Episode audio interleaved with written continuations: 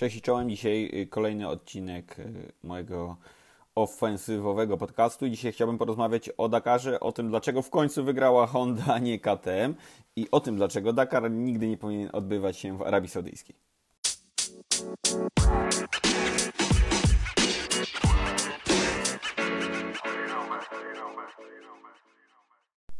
Zacznę od tematu trochę niewygodnego i trochę takiego, który wydaje mi się nikt nie porusza.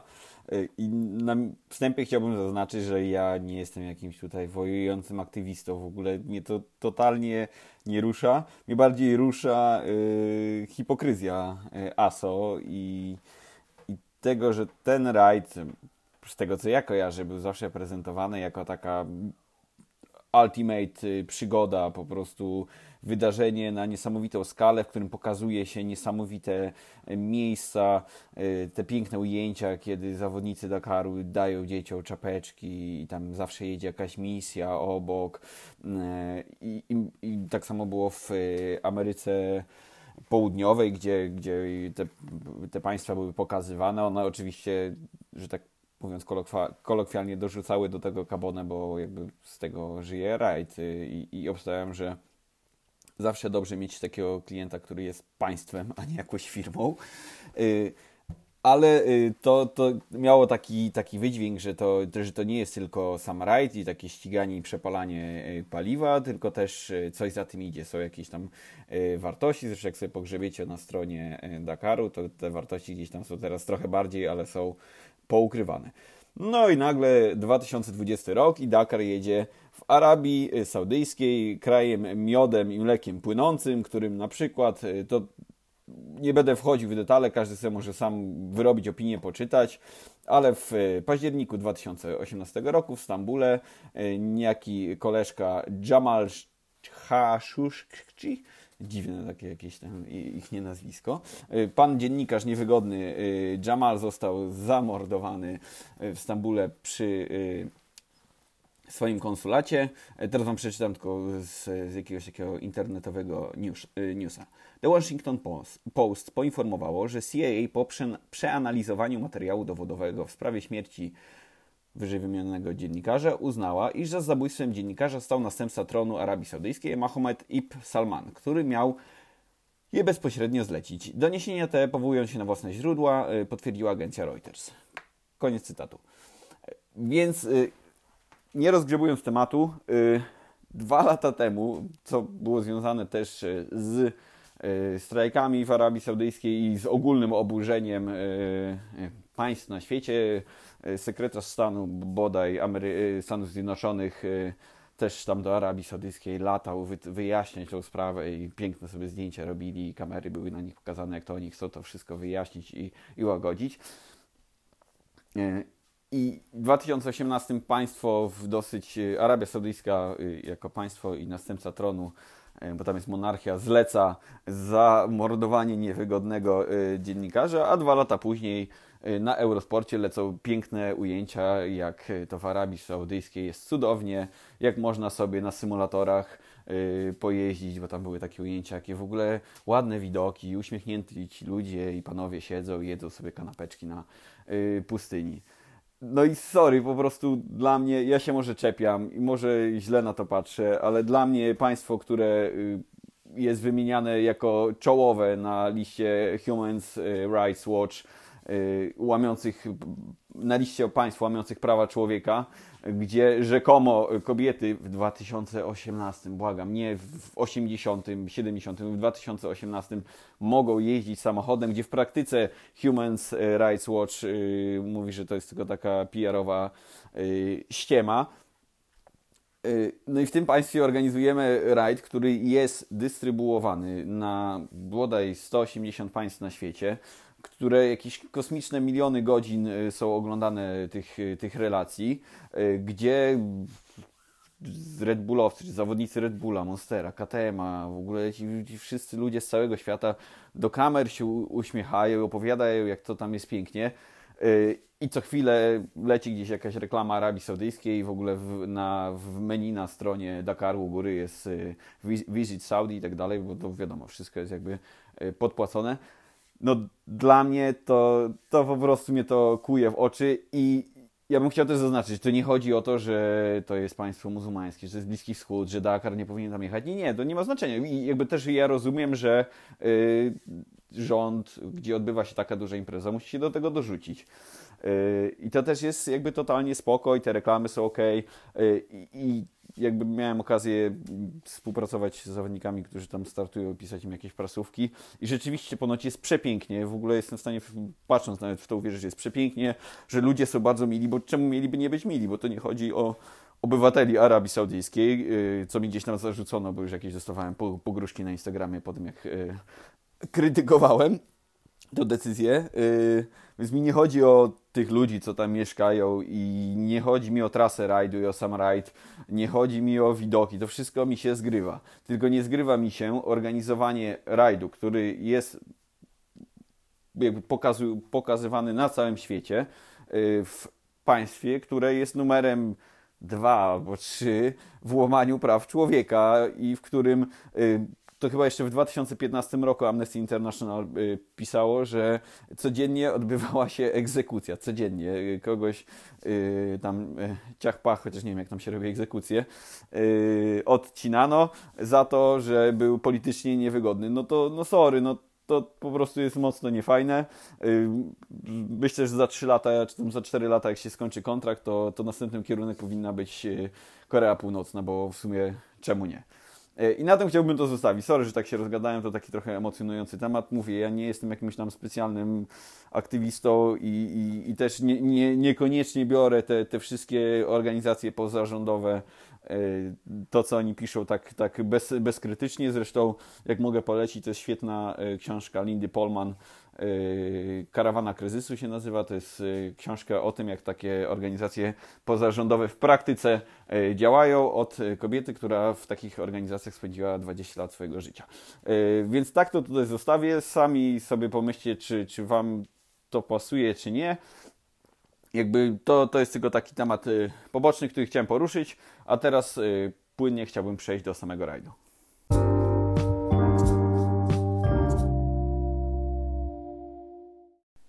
No i w końcu mamy. Mamy zwycięstwo Hondy, a nie KTM w Dakarze. Po 18 latach dominacji KTM przegrał i moim zdaniem bardzo dobrze. Nie przez to, że źle im życzę, życzę tylko przez to, że dla rywalizacji i dla nas kibiców y, taka zmiana na, na pozycji lidera i zwycięstwo innego teamu to jest bardzo dobra wiadomość, bo w przyszłym roku KTM się ogarnie i w przyszłym roku Honda jeszcze więcej zainwestuje w to, żeby w Dakarze rywalizować na najwyższym poziomie po tym zwycięstwie. Czapki z, z głów dla gościa, który nazywa się Ricky Brabek, bo poza tym, że miał sporo szczęścia w tym roku, to naprawdę y, rozegrał to po mistrzowsku, zbudował sobie sporą przewagę w pierwszej fazie rajdu i potem ją utrzymywał. Zwłaszcza te ostatnie trzy dni to było takie damage control to się nazywa e, ładnie.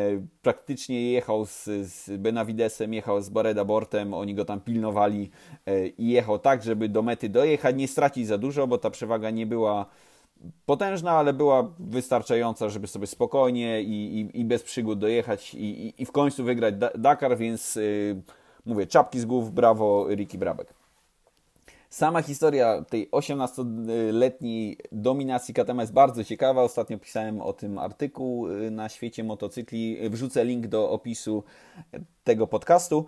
Y, ale w słowach Heinza Kini y, Gadnera to nie było tak cukierkowo od samego początku. KTM musiał sporo poczekać na to swoje zwycięstwo w latach, w ogóle na początku lat 90., kiedy oni zaczynali startować, to, to oni byli profesjonalnym teamem, co oznaczało, że mieli mechanika jednego na sześciu gości startujących, ale taką bardzo ciekawą przewagą KTM było to, że KTM w tym czasie Japończycy y, startowali z prototypami, mieli fabryczny team i, i na tym jakby się kończy, kończył ich angaż taki oficjalny, a KTM sobie wymyślił, że oni zrobią y, poza tym fabrycznie wspieranymi zawodnikami, że oni będą mieli motocykle, które będzie mógł sobie kupić taki bolek e, i, i po prostu wy, wystartować, dojechać do mety.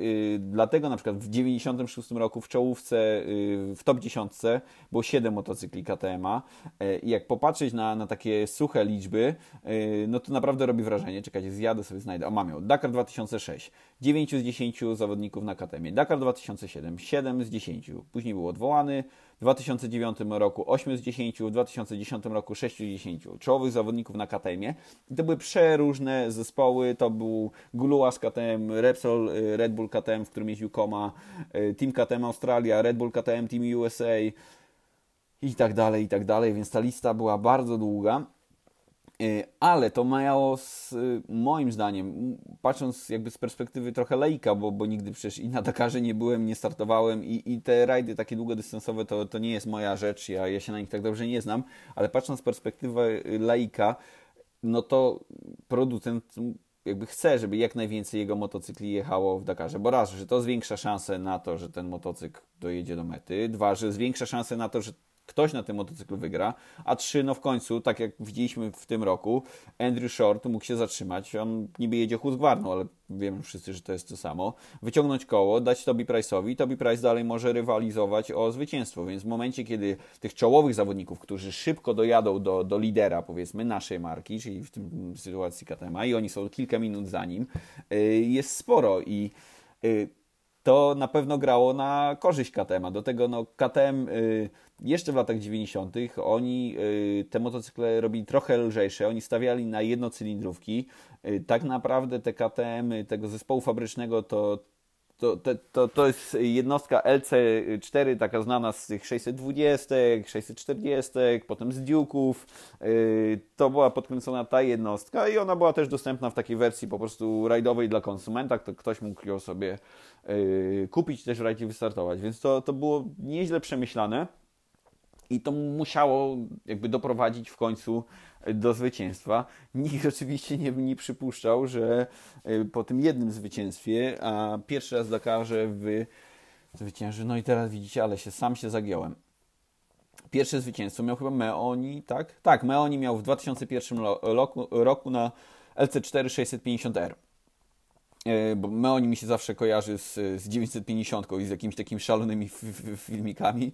Zresztą tu, e, jeżeli nie czytaliście tego artykułu, to polecam, bo yy, tutaj jest sporo o tym, yy, dlaczego tylko Meoni potrafił jeździć tą 950 yy, i dlaczego paliła kapcia przy 200 na godzinę po, po asfalcie, bo to był jakiś porąbany motocykl totalnie, ale to zwyciężył Dakar w 2002 roku i no, LC8 i to V2 zrobiło przecież ogromną karierę tak naprawdę w strukturach y, KTM-a, y, bo ta jednostka napędowa y, była podstawą do tego, żeby KTM wszedł na szosę. To warto, warto o tym pomyśleć, bo 950 Adventure mm, i 950 Duke to były takie pierwsze duże szosowe motocykle y, KTM-a, które zyskały na popularności i, i, i, gdzieś tam się wbijały na, do takiego popularnego myślenia o KTM jako nie tylko o marce stricte wyczynowej, o offroadowej. Dla nas teraz jest oczywiste, że KTM ma szeroką gamę motocykli, ale kiedyś KTM to były maszyny stricte wyczynowe.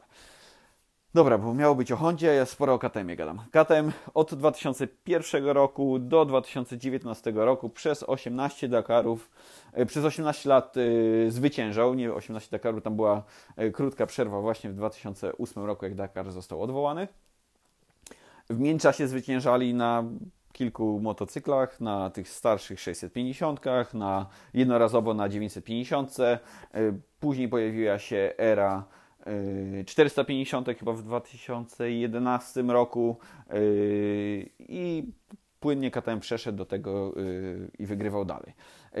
Z pojawieniem się 450 jakby Dakarem na nowo, tak z mojej perspektywy, zainteresowały się marki japońskie, bo no tak też z perspektywy mówię laika, yy, rozwinięcie takiej platformy 450, gdzie i Honda, i Yamaha, czy te mniejsze brandy jak Sherco, mają w swojej ofercie jednostkę napędową, mają w swojej ofercie, yy, czy swoim R&D motocykl offroadowy o pojemności 450 cm3, to zrobienie z tego rajdówki na pewno jest dużo łatwiejsze niż zrobienie rajdówki od podstaw na bazie czegoś, czego nie ma, więc yy, też o to chodziło, żeby te, te motocykle były jakby tańsze, żeby były bezpieczniejsze i tu nie chodzi też jakby stricte o prędkość maksymalną, ale o to, że 450 po są lżejsze, więc konsekwencje jakiegoś błędu nie są tak poważne jak, jak przy ciężkim motocyklu.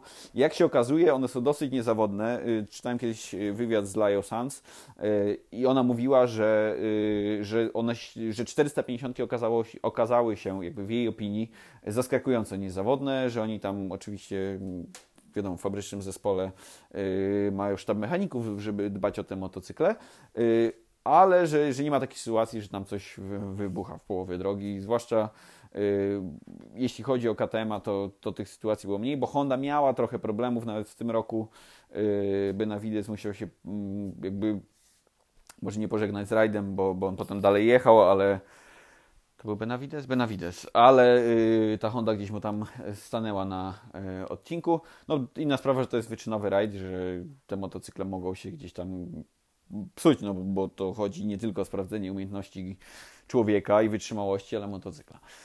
I teraz płynnie, jak już jestem o przychodzie, to przejdziemy do Hondy. E, też Wam rzucę link do takiego bardzo ciekawego podcastu z zeszłego roku bodajże, z Ricky Brabekiem i Andrew Shortem e, w roli głównej. To jest Pulp Mix e, show, to trwa z 4 godziny, więc nie wiem, czy każdy przez to przebrnie, e, zwłaszcza, że tam jest dużo tematu e, amerykańskiego motocrossu i supercrossu, e, ale puenta z tego jest taka, że Ricky Brabek tam mówi kilka ciekawych rzeczy, ale to, co mi najbardziej jakby zostało w pamięci, to, to jego słowa o tym, że KTM wygrywa przez to, że to jest prawdziwy team i że ci goście, którzy w nim startują, dbają o wygranie KTM-a, a nie w pierwszej kolejności o to, żeby oni wygrali. E, a w Hondzie każdy robi tam swoje. To mogłoby się zresztą zgadzać z polityką Hondy, że to motocykl jedzie i to motocykl wygrywa i to Honda wygrywa, a, nie zawodnik. E, co gdzieś tam, jak, jak sobie poczytacie o MotoGP zwłaszcza, e, to gdzieś się takie opinie pojawiają. No i Brabek tam trochę narzekał tak naprawdę. To było po tym, jak, jak tego Dakaru nie ukończył. I no narzekał. Narzekał w taki sposób może nie bezpośredni, ale dosyć ciekawy. To też kilka śmiesznych rzeczy mówił, bo e, jakby dziennikarz prowadzący ten podcast go pyta, jakby to było e, po Dakarze wystartować w Baha 1000. Baha 1000 dla Amerykanów to jest w ogóle takie wow, ciężki wyścig. O, dzwoni mi tutaj budzik. E, ciężki wyścig, a on e, tylko takim zdawkowym zdaniem mówi it will be nothing, że to, to nie byłoby nic, e, nic trudnego. I to takie oburzenie stworzyło, to, to też było dla mnie ciekawe. No ale Brabek trochę ponarzekał na tą Hondę i wydaje mi się, tak patrząc, mówię, na te krótkie relacje dostępne w internecie, patrząc na wyniki, patrząc na te, zwłaszcza te ostatnie trzy dni rajdu Dakar 2020, że Honda zmieniła podejście i Brabek praktycznie w takiej opiece Baredy i, i Benavidesa y, jechał i oni y, no i oni go dowieźli do tej mety. Tam co by się nie działo, jakby trzeba, to by go zanieśli na plecach i super, no jakby o to dokładnie chodzi. No to ten rajd jest, oni tam jadą, żeby wygrać i, i, i nie ma czasu na to, żeby sobie e, któryś z zawodników, który jest piąty, szósty, żeby sobie jeden odcinek wygrał, jeżeli mogą walczyć o zwycięstwo. E, I moim zdaniem w ogóle poza tym, że Brabek niesamowicie jechał i, i, świetnie to rozegrał. Nie miał przesadnie dużego pecha, a, a wszyscy jakiś tam pech mieli, łącznie z Toby Price'em, który może gdyby nie stracił y, opony y, i nie musiał czekać na Andrew Shorta, to, to by to się trochę inaczej potoczyło. Może gdyby nie musiał reanimować Paulo Gonsalvesa i, i fakt, ten czas był jakby zneutralizowany, no ale sorry, jak, jak widzisz na pustyni, że gość umiera ci na rękach, czy, czy nie żyje i potem wróci do rajdu, to no, ja nie wierzę w to, że, że to nie ma jakiegoś wpływu na, na mniejszego lub większego na, na człowieka. Y, sam fakt y, tej sytuacji z, y, i, i tragicznego wypadku Gonsalvesa też no, trochę niestety, to tak brzydko powiedzieć, ale wpłynął korzystnie na, y, dla Hondy, bo, bo następny dzień był odwołany i, i Price tak naprawdę on, on już później nie miał za bardzo okazji nadrobić y, czasu. Te, ten jeden dzień robił znaczenie, tam się pojawiły jeszcze jakieś błędy nawigacyjne, połowę odcinka odwołano z powodu burzy piaskowej kolejnego, to był chyba etap dziewiąty, tak, dziewiąty etap odwołano tam połowę, więc on kilometrowo tam mu zostało bardzo mało kilometrów, żeby nadrobić te ponad 20 minut. E, i w sytuacji, w której Brabek jechał no, praktycznie bezbłędnie, on sobie lawirował w okolicach piątego miejsca, e, no ciężko mi było sobie wyobrazić, że, że coś się to zmieni, zwłaszcza od połowy rajdu. Te, te zwycięstwa Paulo, on się nazywa Quintanilla, tak, tak to się mówi, które oczywiście robiły wrażenie, ale jakby moim zdaniem było widać, że, że fajnie, że on wygra na tej chustce kilka odcinków, ale że Brabek jedzie, żeby to dowieść i w momencie, gdy było coś takiego, że przed ostatnim odcinkiem on ma minutę przewagi, 30 sekund yy, przewagi, to Brabek by włączył kolejny bieg i, i, i by przycisnął, za, zaryzykował więcej, ale on nawet na metach odcinku mówi, że on ma przewagę, on jedzie na 60-70%, w takim tym swoim, tak śmiesznie, śmiesznie troszkę gada y, do kamery, taki raczej y, y, spokojny, może trochę nawet jak wygląda, jakby był trochę smutny, no ale wiadomo, zmęczenie, rajd, poważne sprawy. Brabek mówił, że jedzie na 60%, jedzie na 70%, żeby dowieść ten rajd i dowiózł, więc Mistrzostwo Świata naprawdę gratulacje. Moim zdaniem Honda rozegrała to bardzo dobrze, choć kluczową osobą w tym roku był Brabek, który możecie poszukać w necie, tam, tam jest taki yy, dwa czy trzy kanały, które wrzucają takie kompilacje filmików gdzieś z telefonów, z odcinków. E, one w sumie moim zdaniem są ciekawsze niż, yy, niż te oficjalne relacje. To widać, że no on jechał jak, jak natchniony i, i te, te, te odcinki, które wygrywał, gdzieś był w czubie, yy, no to, to wariactwo. Więc yy, totalnie zasłużone zwycięstwo i moim zdaniem yy, moim zdaniem no to nic lepszego nie mogło się stać dla Dakaru. Yy, i dla KTM-a. KTM będzie musiał się ogarnąć, będzie musiał może zmienić trochę politykę, y, może coś podkręcić, może zrezygnować z jednego zawodnika na korzyść innego, y, może coś tam wymyślić. Wiadomo, też mieli sporo pecha, więc, y, więc nie, nie, nie, nie to na, na zawodników, którzy wszyscy bardzo, bardzo dobrze jechali. Szkoda, że Sunderland wyleciał, ale no to jest rajd i po to ich jedzie czterech, żeby mogło dwóch czy trzech wypaść i dalej był topowy zawodnik rywalizujący.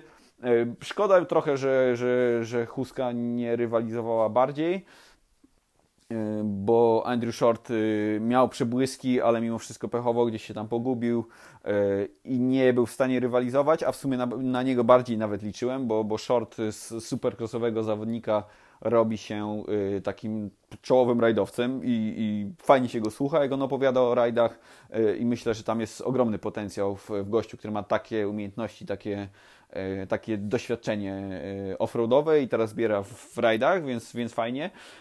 No szkoda, że Van, Wever, y, Adrian Van Beveren zrobił to, co robi już od jakiegoś czasu regularnie, czyli zaliczył poważnego dzwona. Y, gdzieś tam jest moim zdaniem, oczywiście to jest takie trochę bez sensu, że ja sobie chodzę po, po pokoju i, i komentuję takie rzeczy y, i, i, zawodników, którzy, którzy poświęcają swoje całe życie, że, żeby robić, no ta, żeby startować w rajdach i że komentuję w ten sposób, ale, ale powiem to, że moim zdaniem gdzieś tam jest problem.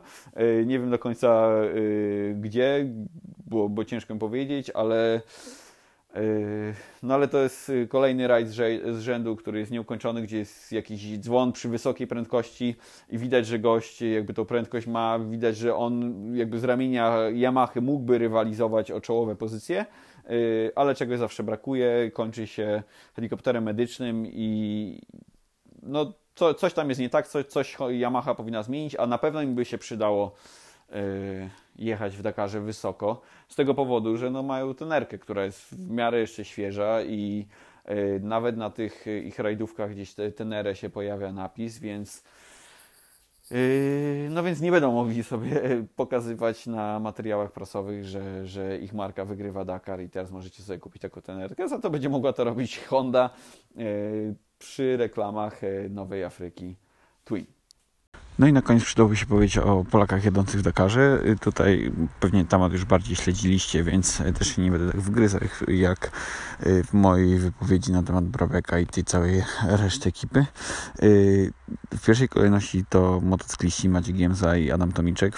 Fajną robotę robi Orlen pod tym względem, że to są bardzo młodzi chłopacy, dwudziestoparoletni i no w nich drzemie ogromny potencjał. Oni też są z reguły znacząco młodsi od swoich rywali. Z tego co tak sobie przeglądałem chociażby zdjęcia osób, z którymi tam rywalizują. I jeżeli tylko będzie kasa na to, żeby oni jeździli, trenowali i startowali w Dakarze i w rajdach długodystansowych, to, to na pewno obydwaj mają przed sobą świetlaną przyszłość. Adam niestety z rywalizacji odpadł. Y, Maćkowi udało się dotrzeć do mety na bardzo dobrej 17 pozycji, więc 100% e, brawa. Wśród motocyklistów jechał także Krzychu Jarmusz. On głównie ścigał się w takiej swojej, powiedzmy, klasie Original by Motul, to jest klasa jadąca bez wsparcia technicznego i Krzychu tam był na szóstym miejscu. U niego to, to trochę może inaczej, u niego widać, że on po prostu chciał sobie dojechać do mety, dobrze się bawić i, i po prostu zobaczyć metę Dakaru, e, więc plan wydaje mi się wykonany na 100%. Krzychu cały czas jechał takim stałym tempem w okolicy 50 miejsca w generalce i tam w, wśród tych swoich wariatów, co jadą bez wsparcia technicznego, cały czas gdzieś w okolicach tej dziesiątki i no szacun, naprawdę szacun. Widać, że gość wie, co robi. Jeśli chodzi o kierowców samochodów, to mamy tam Krzy... Kubę Przygońskiego.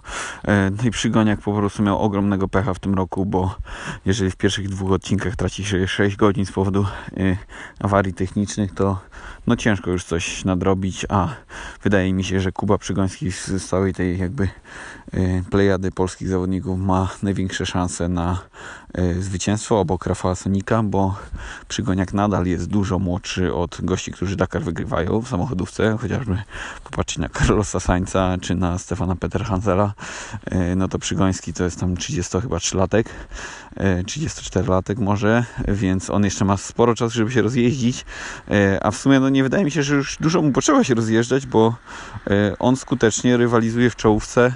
W tym roku, gdyby nie pech, to nie wiem, czy miał tempo, żeby jechać na zwycięstwo, ale na, te, na pewno miał tempo, żeby jechać na top 5, więc myślę, że myślę, że Przygoński jeszcze Dakar kiedyś wygra i tu też ta sama zmienna, dopóki się gdzieś tam kasa od góry nie skończy, a wydaje mi się, że nie skończy, bo, e, no bo nie widzę powodu, dlaczego Orlen by miał nie inwestować w Dakar w sytuacji, w której e, naprawdę mamy dobre wyniki w Dakarze.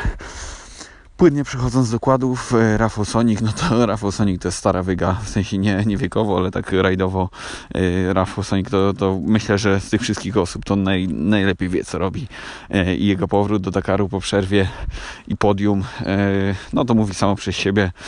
Tak klasa kładziców może jest trochę mniej obsadzona, jeśli chodzi o ilość zawodników i tak mam wrażenie, tam jest mniej takich topowych zawodników, czyli w samochodówce i w motocyklówce mimo wszystko jest więcej nazwisk, które jest w stanie Dakar wygrać, y, w kładach mniej, ale to nie zmienia faktu, że oni nie, wcale nie jadą powoli, to na pewno nie jest proste na kładzie i, i Sonic, który mówię wraca po, po długiej przerwie po prostu tak y, pojawia się i jest trzeci. E, to też jakby dowód na to, że, że on wie co robi i że, że ma szansę ten Dakar jeszcze wygrać i jeżeli tylko Sanik będzie w Dakarze jeździł, e, to myślę, że on jeszcze sięgnie po, po najwyższy stopień podium. No teraz Kasale, y, no Kasale to, to są jego lata, więc y, Kasale jedzie praktycznie bezbłędnie. Tam, tam ciężko, ciężko mi sobie wyobrazić, że ktoś jest w stanie z nim rywalizować, ale, ale to jest też Dakar, więc tutaj za rok może być zupełnie inny, i, zupełnie inny rozkład sił. E, I jeżeli tylko Sonic tam się będzie pojawiał, to, to na pewno będzie rywalizował o czołówkę z Orlenu w kładach e, startu, startował w tym roku Kamil Wiśniewski, który Dakar ukończył, więc e, też wielkie brawa. Kamil był bodaj chyba piąty albo szósty w generalce na końcu rajdu, nie pamiętam dokładnie. E, tam miał etapowe zwycięstwo, więc no też super. W ogóle Polska ewidentnie kładzistami stoi, bo Arek Lindner też w klasie startował. Też nieźle mu szło i, i i no, mam minimum dwóch kładzistów, którzy w przyszłości będą jechać o zwycięstwo i czy, czy o czołowe pozycje, może tak dokładniej to powiem. Jednego kierowcę samochodu, motocyklistą to pewnie jeszcze trochę zajmie, ale tak patrząc z boku, to ta klasa motocyklowa też jest najmocniej obsadzona. E, więc jeżeli za 2, 3, 4 lata Maciek czy, czy Adam będą dalej startować i będą się wbijać do e, pierwszej dziesiątki, to, to będzie naprawdę ogromny sukces, bo to nadal będą goście przed 30 30. E, więc, e, a myślę, że to jest realne. To, to jest 100% do, do zrealizowania i, i, i patrząc na, na to, w którym kierunku oni idą i w którym kierunku idzie Orlen Team, to, to coraz profesjonalniej wygląda. Kuba Przygoński to w ogóle jest świetny przykład tego, jak robić taki PR zawodnika w koło siebie, bo to jest robione świetnie, więc więc no, im wszystkim kibicuję, bez dwóch zdań. E, jeszcze jechali chłopacy ekipy, e, dwie ekipy Marta Domżała e, w side by side. I tam, sorry, tego już tak nie śledziłem, nie pamiętam dokładnie miejsc, ale, ale też to wyglądało całkiem nieźle. Musiałem, że aż auto przejedzie, bo dogrywkę robię. I to też jest bardzo ciekawa klasa, tam jest coraz więcej zawodników. Widać, że tam jest inwestycja w tym kierunku, żeby to była taka klasa może trochę juniorska, żeby na, naganiać e, młodych, utalentowanych. Zresztą Red Bull robił taki, Red Bull e, Ameryka robił taki zespół na, na autorskich pojazdach, OT3 one się nazywały e, i oni tam mega cisnęli właśnie w takich swoich młodych, młodych gniewnych, więc, więc tą klasę warto obserwować. W kwestii ciężarówek w ogóle nie jestem w temacie, sorry. Mówię do dogrywam teraz na spacerze końcówkę podcastu. Miałem gdzieś te wyniki przed sobą. E, zapamiętałem tych, którzy w sumie mnie najbardziej interesują, e, ale dla wszystkich, którzy do mety dojechały, no to wiadomo, gratulacje. Myślę, że Dakarze 2021, jeżeli e, miałoby to iść tak, jak idzie w tym samym kierunku, to trzeba na pewno zwracać uwagę na Przygońskiego i Sonika, bo to są goście, którzy, no, którzy mogą z polską flagą stawać na najwyższym stopniu podium.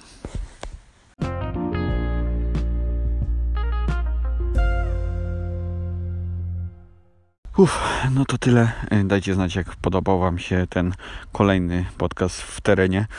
Oczywiście to bardzo moje subiektywne opinie. Czekam na Wasze. Mi Dakar 2020 nie do końca się podobał i z powodu tych politycznych i trochę ta relacja taka internetowa Dakaru e, oficjalna była taka biedna. W sumie najciekawiej, e, najciekawiej oglądało się Red Bull TV i tam był taki Dakar Daily, taka pół, pół godzinki e, relacji z jakimś padokiem, z biwakiem, z komentarzem, to, to było całkiem niezłe, ale poza tym jakoś to tak słabo po prostu wyglądało dla mnie. E, ale ja też jestem trochę, trochę jestem bardzo subiektywny i przypieprzam, więc e, może, może wy macie zupełnie inne wrażenia.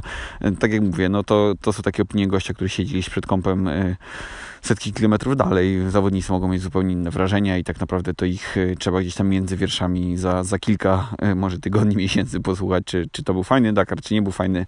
Ja mimo wszystko mam nadzieję, że Dakar wróci do takiego formatu jazdy przez kilka państw e, w zmien, zmieniającym się krajobrazie. Więcej kilometrów bym chciał zobaczyć i, i w sumie to mi z takich rajdów teraz bardziej się Silkway podoba.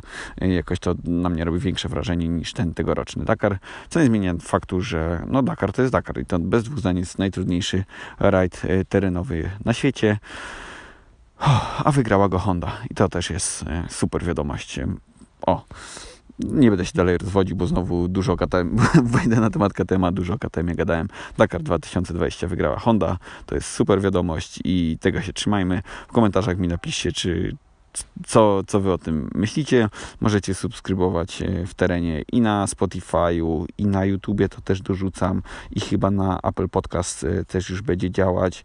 I miałem na SoundClouda wrzucić, nie wiem czy już wrzuciłem, ale będę wrzucał, więc gdziekolwiek mnie znajdziecie, to, e, to dawajcie znać w komentarzach, kliknijcie tam, żeby wam wyskakiwały informacje, jak coś gadam. Jeśli macie ochotę, to będziemy sobie w takiej dziwnej audioformie dyskutować i następnym razem może nie będę dogrywał z zakończenia podcastu na spacerze. Dzięki, na razie. The podcast you just heard was made using Anchor. Ever thought about making your own podcast? Anchor makes it really easy for anyone to get started. It's a one stop shop for recording, hosting, and distributing podcasts. Best of all, it's 100% free. Sign up now at anchor.fm slash new. That's anchor.fm slash new to get started.